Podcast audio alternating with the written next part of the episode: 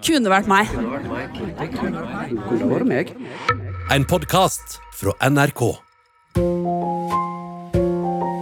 Å jobbe i skoleverket kan være en tålmodighetsprøve. Man skal banke vett i skolten på den nye generasjonen. Og du kan jo tenke deg sjøl. Hvis du gjentatte ganger hadde masa på noen om å gjøre noe, og de ikke gjorde det allikevel, hadde ikke du blitt sur da?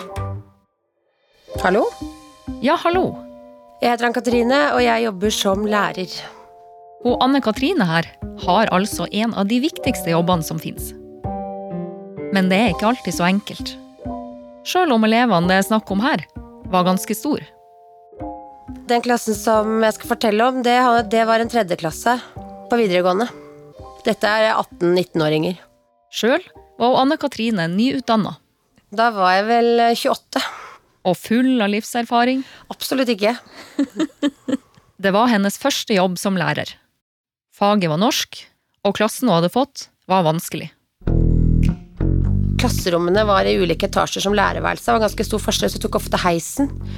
Og jeg husker ofte, jeg grua meg ofte til å ta heisen ned til den klassen. Og jeg husker at jeg tenkte på det at det var hissen til helvete. Det er en novelle som heter det. Hissen til helvete. Men hver dag må Anne Katrine ta hissen til helvete.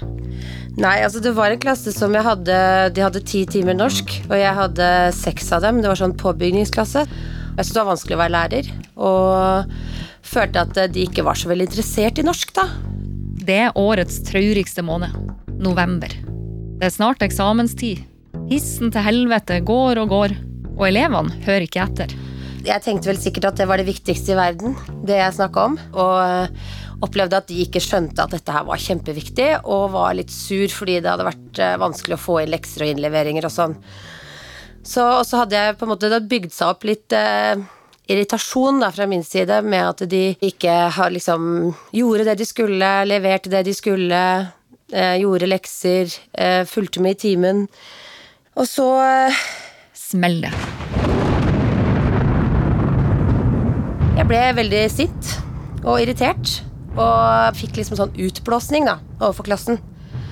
Skulle fortelle dem at um, nå er det nok, liksom. Nå må dere skjerpe dere. Jeg husker at jeg sa noe sånt at når dere kommer ut etter videregående, og kommer ut i arbeidslivet, og kommer for seint og ikke gjør det dere skal, og ikke følger opplegget, tror dere virkelig at dere kan oppføre dere sånn? Hva slags mennesker er dere egentlig? Jeg hadde en sånn ordentlig runde, og var nok eh, sintere enn det jeg skulle vært. Og så ser jeg utover klassen, og så ser jeg at det, det sitter en gutt helt aleine på en pult helt aleine, som begynner liksom som knekker sammen og liksom legger seg over pulten og hulkegråter. Og så skjønner jeg jo det, altfor seint selvfølgelig, at dette er jo den nye eleven i klassen. Som begynte den dagen. Anne Katrine har kjefta så mye at den nye gutten i klassen sitter ved pulten og gråter. Og jeg blir jo så lei meg, og jeg bare skjønner at liksom Å nei, å nei, å nei. Nå har jeg liksom Nå har jeg fått den nye eleven til å bryte sammen. Um, og stopper jo selvfølgelig opp og går bort til han og bare tar med meg han ut på gangen. Uh, og han gråter skikkelig, liksom.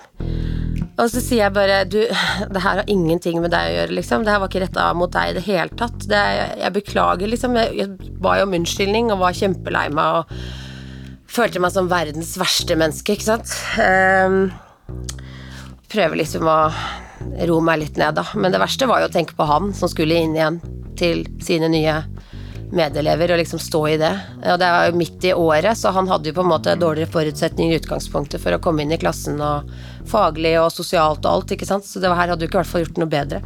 Så jeg følte meg kjempe kjempedårlig.